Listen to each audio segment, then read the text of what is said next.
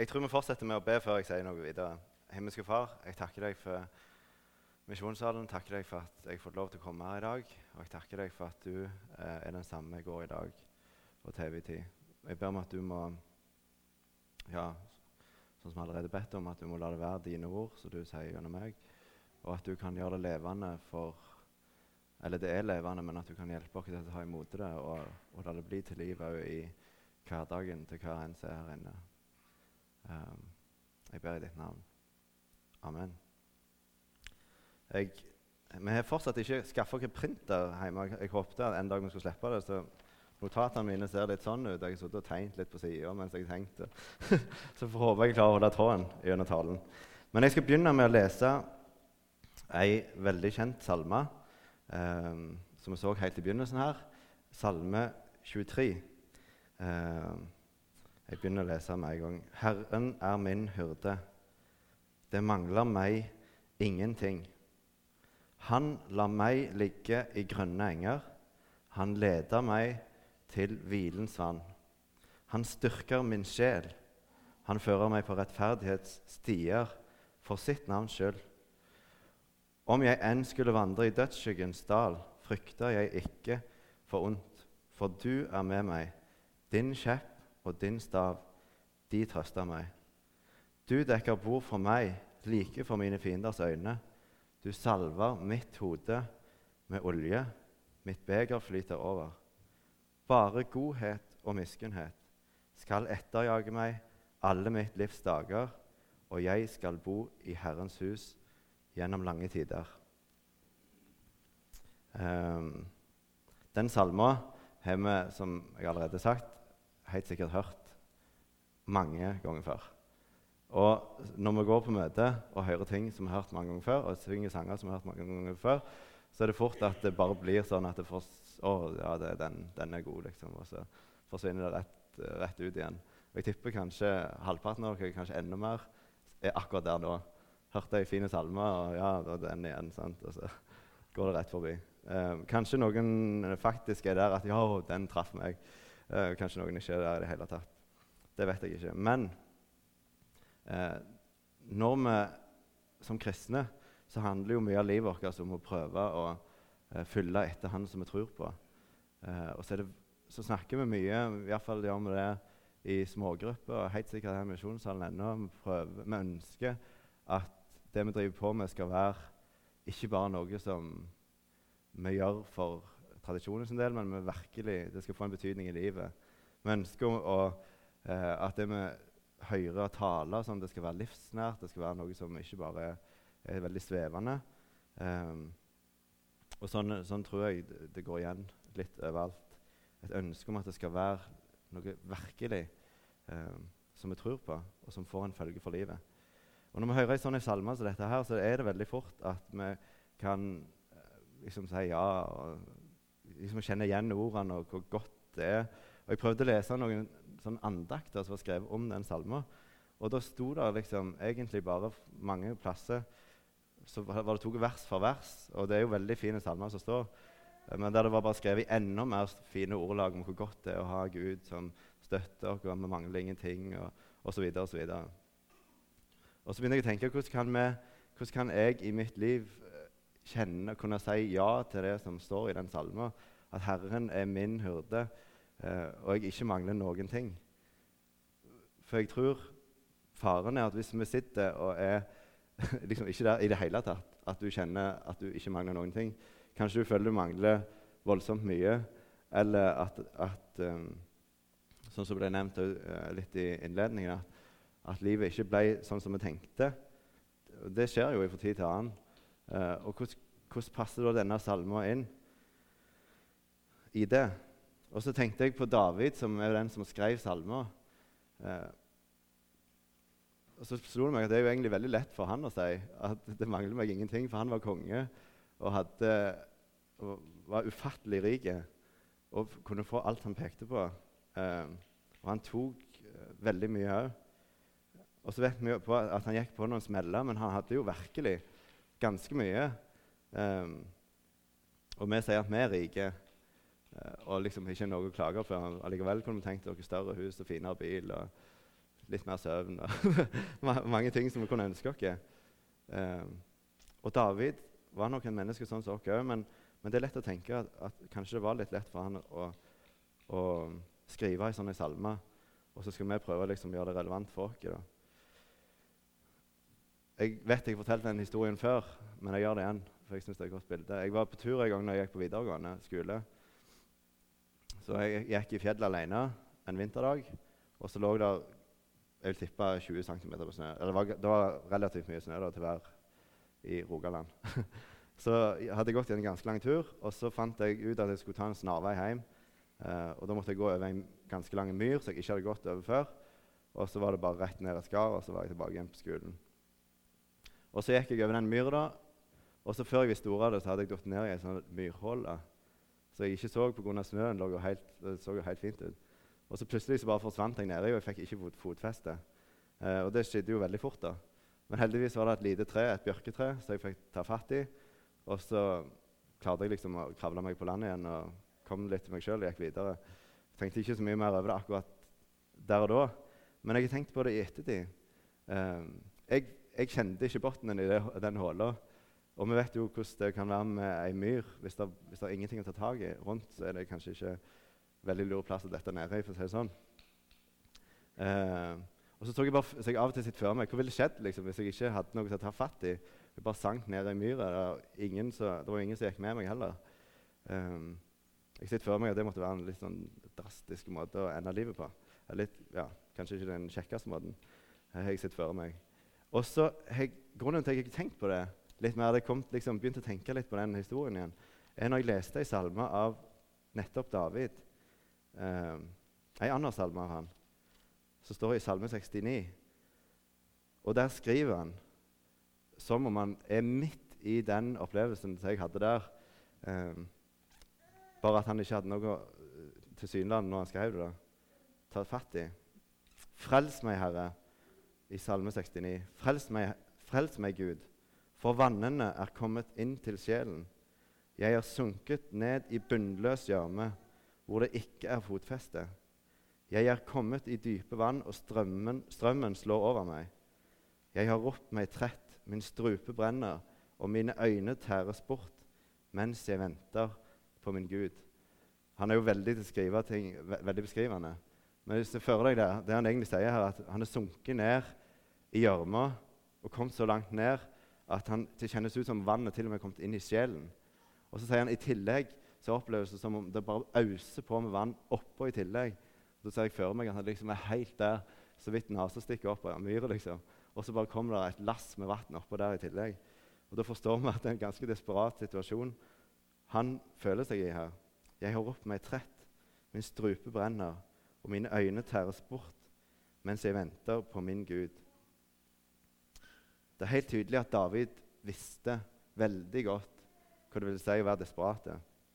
Og Jeg kan ikke si at jeg noen, noen gang tror jeg har vært så, så desperat sånn, i livet. Eh, hvis jeg skulle Ikke bare rent fysisk, men jeg faktisk var den myra der. Men, men, at det har vært ting som har vært så tøft at jeg kunne beskrevet på den måten der. Men David hadde jo virkelig opplevd at han ble tatt inn på slottet og skulle være en hjelper for kongen. Og så ble kongen misunnelig, og så, så heiv han spydet etter han eh, flere ganger og prøvde å drepe han. Eh, Kong Saul for han ble, han ble misunt på David. Og så måtte David stikke av fra sin egen konge. Folk som fulgte etter han, Det er jo helt merkelig at en konge kunne bruke energi på å få masse soldater til å fange opp sin, en av sine nærmeste tjenere bare for, av misunnelse. Men de gjorde det. Og David måtte gjemme seg. Og Gang på gang hadde han mulighet til å, å gjøre igjen på Saul, men han gjorde det ikke. Han måtte springe og gjemme seg. Og Senere opplevde David at sin egen sønn prøvde å yppe seg mot faren og få folket med på sin side. Og, og, David, vi vet jo at han var utro og fikk en unge med ei dame som var en annen mann sin.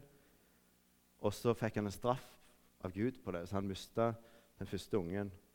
Uh, og det sørger han veldig mye for, uh, av. Det står der. Og så kan den samme David som har opplevd sånne ting, fortsatt si det. At 'Herren er min hyrde, jeg mangler ingenting'. Og så vet vi at han mangla litt. Han mangla en sønn som han hadde mista, som han var veldig eh, lei seg for. Og så hadde han mista sin beste venn Jonathan Um, så var det mange ting som ikke var sånn som så han tenkte. I en annen salme som jeg leste når jeg forberedte meg her, så står det at han sin egen overtredelse ble han liksom han å, ble for mye for han. Han kjente sitt eget hjerte, at han ble lei liksom, av um, hvordan han sjøl rota seg opp i ting. Og så er det kanskje ingen som har skrevet så mange salmer som sånn Gud, hjelp meg, jeg roper ifra dypet. Helt sånn skikkelig overdrevet. da. Men, men, han følte det nok sånn. Og så sier han at 'Herren er min hyrde, jeg mangler ingenting'. Og så er det litt av hemmeligheten, det som står i salmer her. Når han forklarer det videre, så sier han i versene senere at du dekker bord for meg rett for øynene på fiendene mine. Så da anerkjenner han egentlig at jeg har faktisk fiender. Også, men du, Gud, du dekker bord for meg rett før nesa på fienden. Så liksom midt i den situasjonen som faktisk er farlig Hvis du står ansikt til ansikt med en fiende, så er det farlig. Og du kan være redd. Og så sier han at når jeg tror på deg, Gud, så er det en sånn en merkelig situasjon at du kan stå midt oppi en kjempeutfordring, og så likevel så på samme tid opplever du at han dekker bord for deg i den situasjonen. Og Mange ganger så kan vi bli fristet til å tenke at vi må hvis det skal være sant, det som står her, så må vi liksom være fornøyde og glade. Og vi må ikke kjenne på redsel eller frykt. eller noen ting sånn. Men så virker det som at når David skriver her, at han kjenner på sitt eget liv at det er blitt begge deler. Du er lov til å være, kjenne på sånn skuffelse, sorg, smerte, glede og alle slags følelser. Men grunntonen som går på sida, og som på en måte bærer deg gjennom livet, det er at Herren er min hyrde, og jeg mangler egentlig ingenting. Midt i det vanskelige, midt i utfordringene.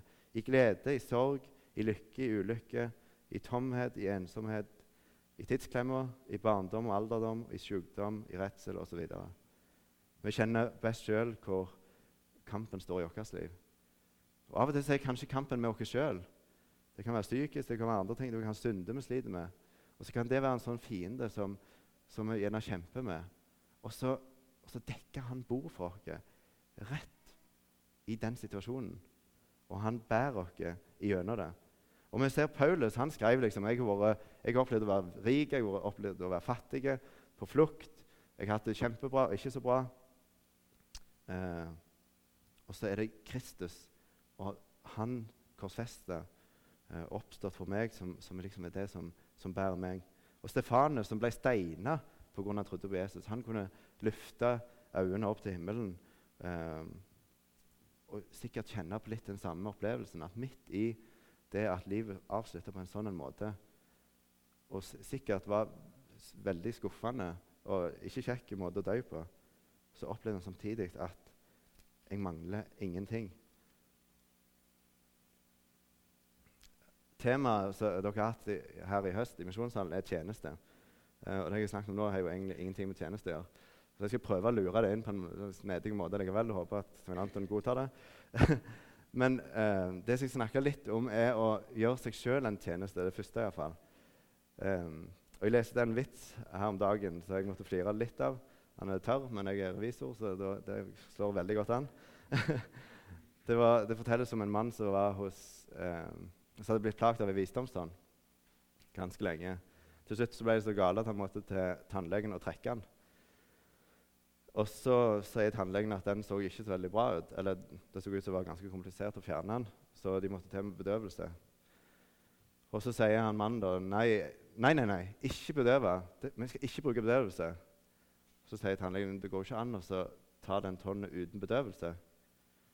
Jo, jo, det skulle ikke ha bedøvelse. Det var ikke snakk om. Så lurte tannlegen på hvorfor. Jo, nei, eh, nå har den tonnen plaget meg i så mange dager at nå skal hun sannelig få igjen. Eh, jeg vet ikke om vi av og til tenker sånn, men jeg tror av og til i livet vårt at, at vi kan straffe oss sjøl på en sånn en, litt sånn snedig måte, der vi ikke sjøl alltid tenker over at, at, det er det vi gjør. Uh, ungene er jo veldig gode til det. at Hvis, hvis vi sier hvis du gjør sånn og sånn, så skal du få sånn og sånn. Og så gjør de stikk motsatt, og så får du ikke. det. Men jeg, sånn, så så straffer de på en måte seg sjøl og ikke følger vårt gode råd. Eh, og Av og til så, så, er vi voksne litt like. Eh, og det tenkte jeg òg på. Vi er, jo, vi er jo midt i småbarnsfasen. og eh, Etter hvert når ungene blir større og begynner å klare å gå på do sjøl, så ser vi jo større de blir, jo mer behov har de kanskje for å være alene når de holder på med prosjekt og springer og gjemmer seg bak sofaen, og så kjenner du lukta, og så vet du at nå er det jobb. eh, men vi, vi, kan være litt sånn med voksne. Eh, ikke når vi går på do, kanskje, jo det er kjekt å gjemme seg vekk, altså, men, men, når vi har gjort ting som det lukter litt av, så får vi kanskje et behov for å gjemme oss litt vekk. Når, når, ingen ser, så er det lettere å gjøre et eller annet som vi ikke burde gjort. Men når vi òg har gjort noe som vi ikke burde, så kan det være litt kjekt å gjemme seg vekk litt. Stikke hodet litt i sanden, kanskje. Og vi ser det, det, det er helt naturlig, egentlig, virker det som. For det var noe av det første Adam og Eva gjorde etter syndefallet. At de for og gjemte seg. Og så er det jo helt, Man kan le av det liksom, hvis Gud virkelig hadde skapt dem og hadde liksom hele kontrollen. Hjalp det å gjemme seg bak et tre? Nei, det gjorde ikke det, men de gjorde det likevel. Og sånn kan det være med oss òg. Selv om det er helt hold i hodet, si sånn, så kan det være med å gjøre det likevel av gamle vaner. At vi springer og gjemmer oss. Vi kan være i et forhold, enten det er som eh, familieforhold der vi er sønn eller datter, eller som foreldre eller ektefelle eller kollega, eller sånn, så kan det være Noen av dere er veldig frimodige og bare sier alt som det er. Men mange av dere er kanskje litt konfliktsky, sånn som jeg er.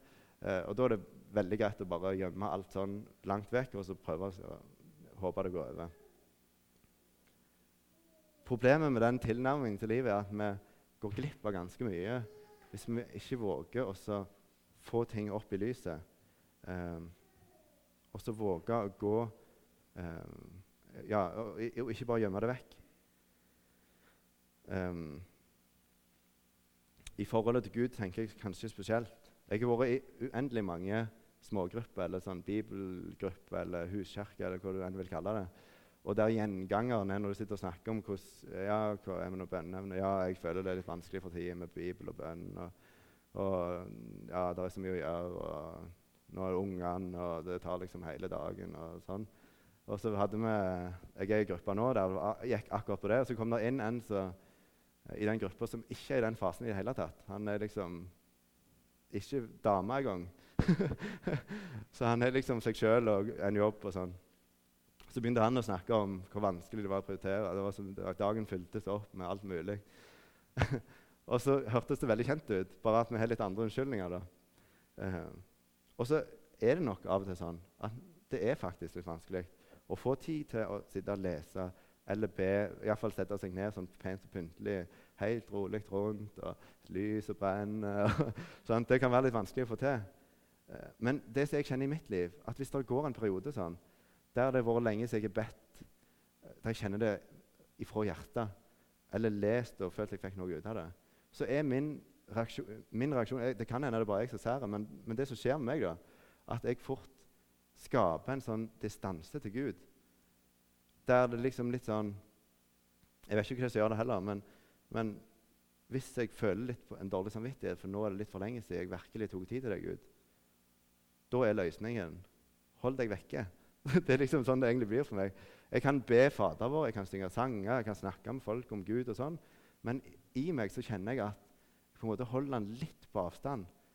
Jeg er på en måte ikke, får det liksom ikke helt fram i lyset. Jeg vet ikke om dere kjenner dere igjen, men, men iallfall fall så er det litt sånn for meg. Og det skjer om igjen og om igjen. Jeg, jeg lærer, så, så, opplever jeg igjen at nå må jeg virkelig bare få, få det ut. Eh, og så er det liksom åh, det var godt, og, og, så kan du starte på nytt igjen. Så går det en stund, og så kommer jeg inn i en litt dårlig uvane.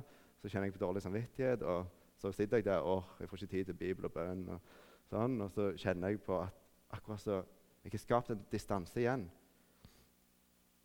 Og Det er da jeg prøver å Da er den vitsen med tonna, at du straffer deg sjøl. For det er egentlig det som skjer. At jeg hele veien, Den refleksen i meg som trekker meg vekk når jeg har gjort noe, eller jeg kjenner på en sånn dårlig samvittighet, eller noe jeg burde gjort annerledes, så trekker jeg meg vekk. Men egentlig så er det bare meg sjøl det går utover. Um, I ei anna salme til David. Nå ble det mye salme her. Um, salme 62 uh, eh, og vers 9 så står det Sett deres lit til ham altså Gud, til enhver tid, dere folk. Utøs deres hjerte for hans åsyn. Gud er vår tilflukt. Jeg tror det er kanskje det som kan være utfordringen for oss. Og i enhver situasjon øse ut hjertene våre for Gud. Altså å kunne være virkelig ærlige med livet overfor Gud. Og ikke føle at du må si en sånn fin bønn, eller at du må virkelig ha kjempeproblemer og komme med noe svært greier og være like desperat som David for at du skal kunne være sånn ned på kne og virkelig øse ut av hjertet ditt. Jeg tror mange ganger vi sammenligner noe og tenker liksom at sånn så det, ok, det må være så galt. Da kan jeg virkelig komme og grine til Gud i desperasjon. Men jeg tror til og med når vi er der at vi kjenner på en tomhet i livet, og, spesielt kanskje livet med Gud, da, at vi kjenner at vi har skapt en distanse. Bibel og bønn er fjernt, og, og kanskje det å gå i menigheten òg er bare en vane. Og så, Vi kjenner liksom ingen liv. Og når folk snakker om forskjellige opplevelser om Gud, og sånn, så, så, kjennes det bare ut som noe som skaper enda større distanse. For, for jeg er ikke der med deg nå, Gud. Og det er gjennom min egen feil, men vi sier det ikke sånn, men, men det blir det egentlig det som er eh, løsningen. da. Så tror jeg det å våge å være Om det så er ta ti sekunder og bare si det til Gud. Kjære Gud, jeg føler meg helt tomme. Jeg har ikke lyst til å lese Bibelen, jeg har ikke lyst til å be. Jeg føler meg på en helt annen planet enn de som sitter på siden av meg og griner når de hører et eller annet rørende. Eh, ja, jeg føler rett og slett en distanse til deg, Gud. Og bare si det sånn, få det ut på en måte. Så tror jeg det gjør noe med hjertet vårt. Så vi på en måte stikker litt hull på den der eh, distansen som vi kanskje skaper eh, fort. Det var en som, som traff Jesus og sa eh, spurte Jesus om han trodde. Så sa han 'Jeg tror. Hjelp min vantro'. Og Jeg liker veldig den ærligheten. til å Våge å være veldig ærlig om hvordan du kjenner det. For Følelsene er faktisk ganske viktige for oss mennesker. Hvis vi, hvis vi føler noe helt annet enn det vi tenker vi burde ha følt, så kan det gjerne gjøre med det skaper en sånn at du begynner å koble deg mer og mer av. Um, vær, våg å, å, springe til Gud med din tomhet, hvis, hvis, du er det. Og bare si det. Jeg kjenner meg helt tom, Gud. Jeg vet at dine løfter holder. Jeg vet at det kommer ikke an på min følelse om jeg er vært flink til å lese eller be. eller hva det måtte være. Jeg vet at det er du som bærer. Um, og jeg vet at du er nær uansett hvordan jeg prøver å distansere meg. Så legger jeg det fram for deg, Gud. Det er en, det er en bønn som jeg måtte bedt mange ganger, og som jeg kjent virkelig forandrer meg. Um, ikke drastisk, men, men allikevel nok til at jeg kjenner nå, jeg, nå er jeg på bølgelengde med han igjen. For, for, det er jo ikke meg det kommer an på. Han, Jesus er jo like interessert i å bære meg. Det er bare jeg som, som lukker meg litt inne og ikke lar hans eh, nåde få treffe meg på samme måten kanskje, som det kunne, og kraft som han vil gi. Jeg tror Jeg, syns jeg har hørt at borte i USA så er det ganske mange kristne som er litt motstandere av å forsikre seg. Jeg vet ikke om det stemmer, men jeg har hørt rykter om at det kan være sånn. Og på en måte så kan jeg litt forstå den tanken. For det å ha oversikt over hvor mange forsikringer jeg har Har dere prøvd på det? Er det noen som har ei liste alt dere forsikrer, og alle dekningene og sånn? Jeg prøvde en gang, og så ga jeg opp. For, for så har du en av forsikringene jobb, og så er det reiseforsikring på et masterkort hvis du er det, og så er det så mange, vi er forsikra på så mange måter. Og så er staten forsikra forsikringsselskapene. sånn at hvis det, vi, vi liksom her i Norge bygd opp et sånt system som er så bombesikkert nesten at, at det er puter på alle sider. Og det kan faktisk være en, en, ting som kan skape en falsk trygghet i livet vårt, som gjør at eh, sånn rent økonomisk vi ikke kjenner den behovet for å springe til Gud med de tingene der. Og det kan òg være en ting som kan være greit å stoppe opp med. Ja, vi har forsikring, eller vi har ikke forsikring. Men eh, om huset brenner ned, om bilen krasjer, hva som måtte skje, så om det måtte svi skikkelig økonomisk, om um, jeg mister folk rundt meg, så, så har jeg Gud og Han som har skapt meg, og eh, jeg mangler egentlig ingenting. Og så er det veldig godt å kunne ha forsikringer og sånne ting så det blir faktisk litt mindre stress når det skjer. Men, men Djupest sett så er det han som, som bærer oss. Og han er langt mer eh, mektig til å holde oss når det virkelig eh, trengs, enn en forsikring eh, med noen avtaler om at du skal få så og så mye igjen. Og sånn. Og hvilken tilflukt må være hos Gud. Og da tenker jeg igjen når jeg holder på å dette ned i det der gjørma, det der treet som sto, så jeg kunne holde meg i, og så holdt meg oppe midt i gjørma, så kunne jeg dra meg og holde meg fast til den. Eh,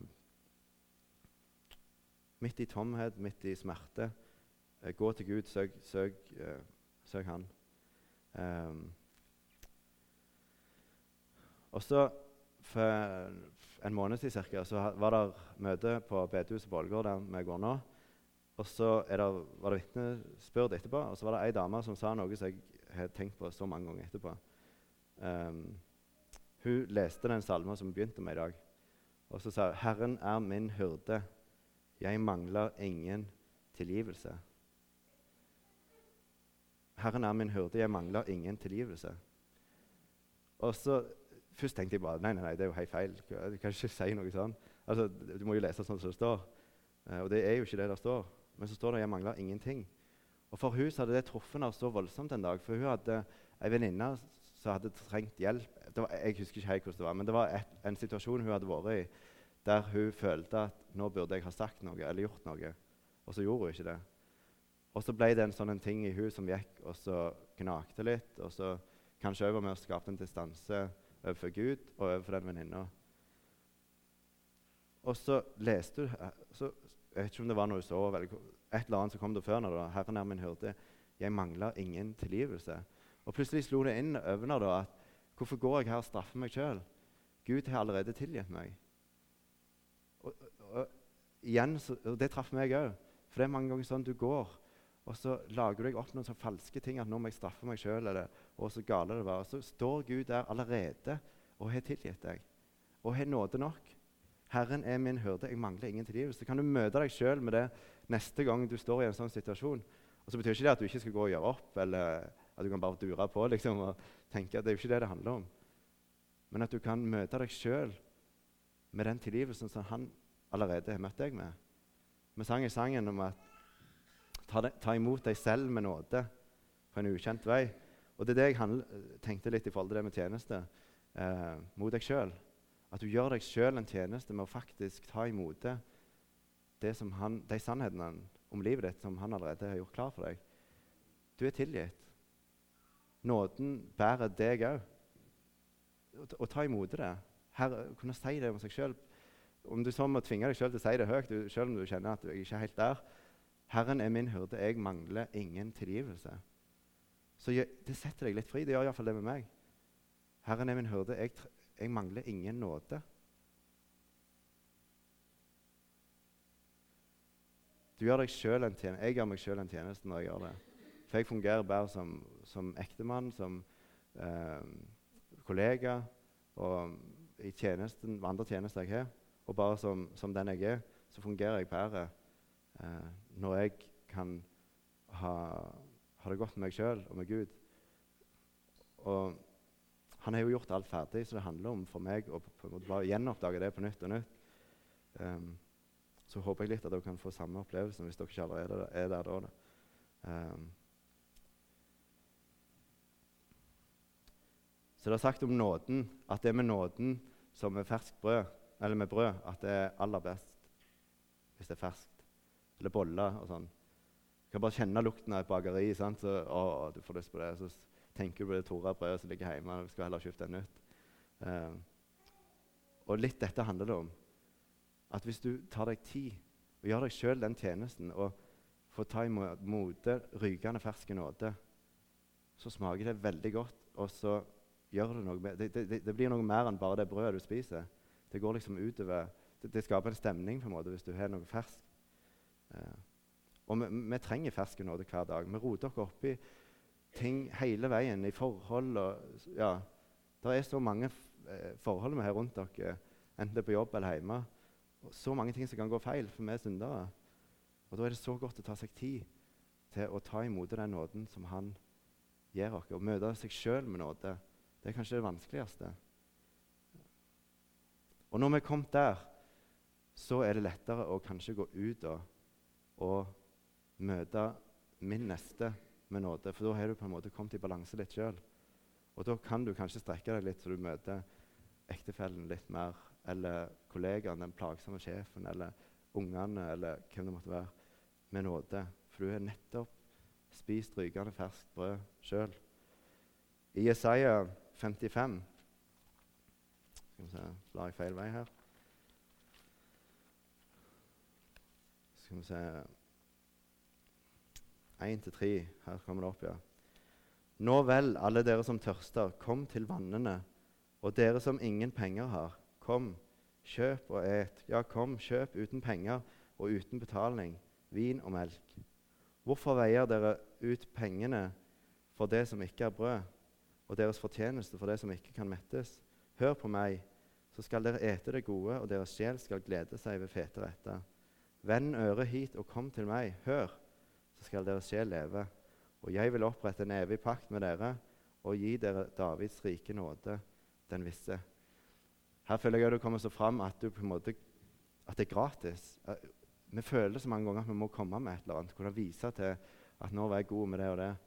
Eh, og så kom, ta imot det gratis. Han, det, det, ligger der allerede ferdig for deg. Jeg har ikke helt pass på klokka. Får jeg ti, fem minutter? Ja. Jeg har ikke peiling helt hvordan jeg ligger an. Men jeg må bare si en ting til. Og det var, Jeg ser Eline ler av meg, for jeg ser på sånne sære program på TV. Hvis jeg sitter alene og kan se på TV, så ser jeg der ingen skulle tro at noen kunne bo, eller Tore på sporet. så ellers går det greit med meg. så så jeg en litt fascinerende historie Tore, Tore på sporet. der det var noen som, Jeg husker ikke hele greia, men det var iallfall en eller annen nordmann som hadde vært og stifta familie nede på ei øy i Stillehavet. Og Så gikk det mange år, og så var det hans etterkommere i Norge som ville finne sine halvsøsken eh, eller etterkommerne deres. Og Så reiste de ned, og så ble de tatt imot med brask og brann. Det var liksom helt, tok helt av. De ble behandla som om de var konger. Liksom. Det, det, det, var helt sykt. Og De fikk vite at de kunne bare komme igjen tid som helst, og de skulle bli behandla akkurat likt. Og på slutten så sa, eh, så sa hun ene der Jeg lurer på om det var dattera til han her mannen i Norge. da, eh, så sa at De sa til og med at bare du sa du kom fra Norge, så kunne du få den behandlingen. så, og jeg husker ikke navnet på øyet, det skal jeg hjem og finne, finne ut. Men det de egentlig sa er at hvis du bare betalte flybilletten sjøl og kom ned og sa du var innenfor Norge, så, så, hadde du opphold, du hadde plass å bo, og du skulle få mat og ja, bli vist rundt. det var skikkelig sånn sandstrand, og sånn, så nå kommer alle til å gå hjem. Men det som var litt fascinerende med det, var at pga. den mannen som tydeligvis hadde sett et sånn voldsomt spor etter seg på den øya der, så, og det var mange år siden, så i dag så var det fortsatt sånn at jeg, tror ikke de forsto rekkevidden, rekkevidden da, det de sa, men hele Norges befolkning på en måte kunne tjene på, eller få igjen for det han hadde gjort. Selv om det var folk som ikke hadde noen ting med han å gjøre, i, i det hele tatt, annet enn at du var født inn innen samme landegrensen. Um, og når jeg tenker på tjeneste, både i det vi gjør her, og det, sånne oppgaver som er skrevet ned, eller ikke skrevet ned, bare det å leve livet vårt, så handler mye om det at når vi gjør en tjeneste for andre eh, F.eks. søndagsskolen, f.eks. jeg står og taler her nå, eller bare det å komme på møte og sånn, så handler det dypest sett om at vi gjør igjen for andre det vi sjøl har fått sjøl eh, av Jesus. Så helt uavhengig av hvem det er vi møter på veien, og hvor plagsomme de er, eller hvor snille de er, eller fine de er, eller ikke fine, så, så gjør vi det likevel. For det handler ikke om deg. Det handler om Han som har gitt meg nåde og møtt meg med, med tilgivelse. Og så kan jeg gå videre og gjøre det frimodig og holde på med det om det blir vanskelig. For det, trofasthet i tjenesten kan være vanskelig. Spesielt hvis du måler det i hvor mange som kommer tilbake med tilbakemeldinger. Det var bra, det var ikke bra. Hvor mange som er til stede, og sånne ting. Da kan det bli veldig vanskelig å, måle, å være tålmodig i tjenesten. Men hvis du gjør det for, for han som du i dag igjen har fått nåde av, og gjør deg takknemlig til det, eh, til og med når du ikke kjenner helt på den der følelsen, så blir det lettere å holde ut i tjenesten og være trofast i tjenesten. Og da er det vanskeligste kanskje beden av det å la seg ydmyke. Det skal vi avslutte med i Filippane 2, vers 3. Gjør ikke noe av ærgjerrighet eller lyst til tom ære, men akt hverandre i ydmykhet høyere enn dere selv. Um, det er kanskje, Når det gjelder det å være, vise hverandre nåde og tilgivelse og gjøre hverandre tjenester, så er kanskje det som er det aller vanskeligste, iallfall kjenner jeg det, det er hvis det er noe som går ut over min egen ære. Hvis jeg, hvis jeg ser dårlig ut etterpå og jeg ikke selv har fått lagt opp til at jeg kan le av det, eller det er liksom greit, men hvis, hvis jeg kommer veldig dårlig ut og det blir flaut Hvis folk skulle visst virkelig at jeg hadde gjort noe sånn, eller sagt eller tenkt eller noe sånn, da blir det virkelig kanskje litt vanskelig.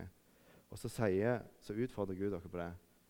Ikke, sett, ikke la din egen æresfølelse komme i veien for å akte de andre høyere enn deg sjøl. Det, det, er en utfordring for meg. Det kjenner jeg at det er noe som virkelig kan være utfordrende for meg. Um, jeg har ikke liksom lyst å bli oppfattet akkurat sånn og sånn. Men, men, det skal ikke komme i veien. For det, det er tomt, egentlig. Det, det, er ikke den verdien som vi tenker at det er. Vår ære er i Han som har gitt sitt liv for oss. Så kan vi takke og be helt til slutt. Himmelske Far, jeg takker deg igjen for din nåde. Og jeg takker deg for at du ga ditt liv for oss uansett uh, uavhengig av hva vi har gjort og ikke. Men du så og ser at vi trenger nåde og tilgivelse, og så gir du oss det på nytt og på nytt. Så ber jeg om at du må gi oss evnen eh, og viljen til å ta imot den og møte dere sjøl med nåde og tilgivelse. Um, sånn at vi kan gå ut og så, uh, gi det videre. Og ikke bare for at vi skal kunne fungere i en, en eller annen tjeneste, men, men, for at det skal bli en sannhet i livet vårt. Så at vi kan kunne leve i frimodig tro på deg og kjenne at ja, jeg, er, jeg, har gjort noe dumt, kanskje, eller jeg føler på tomhet, men eh, Hans nåde gjelder eh, like mye for meg i dag. Og det kommer ikke an på hva jeg tenker sånn. Um, ja, jeg ber i ditt navn. Amen.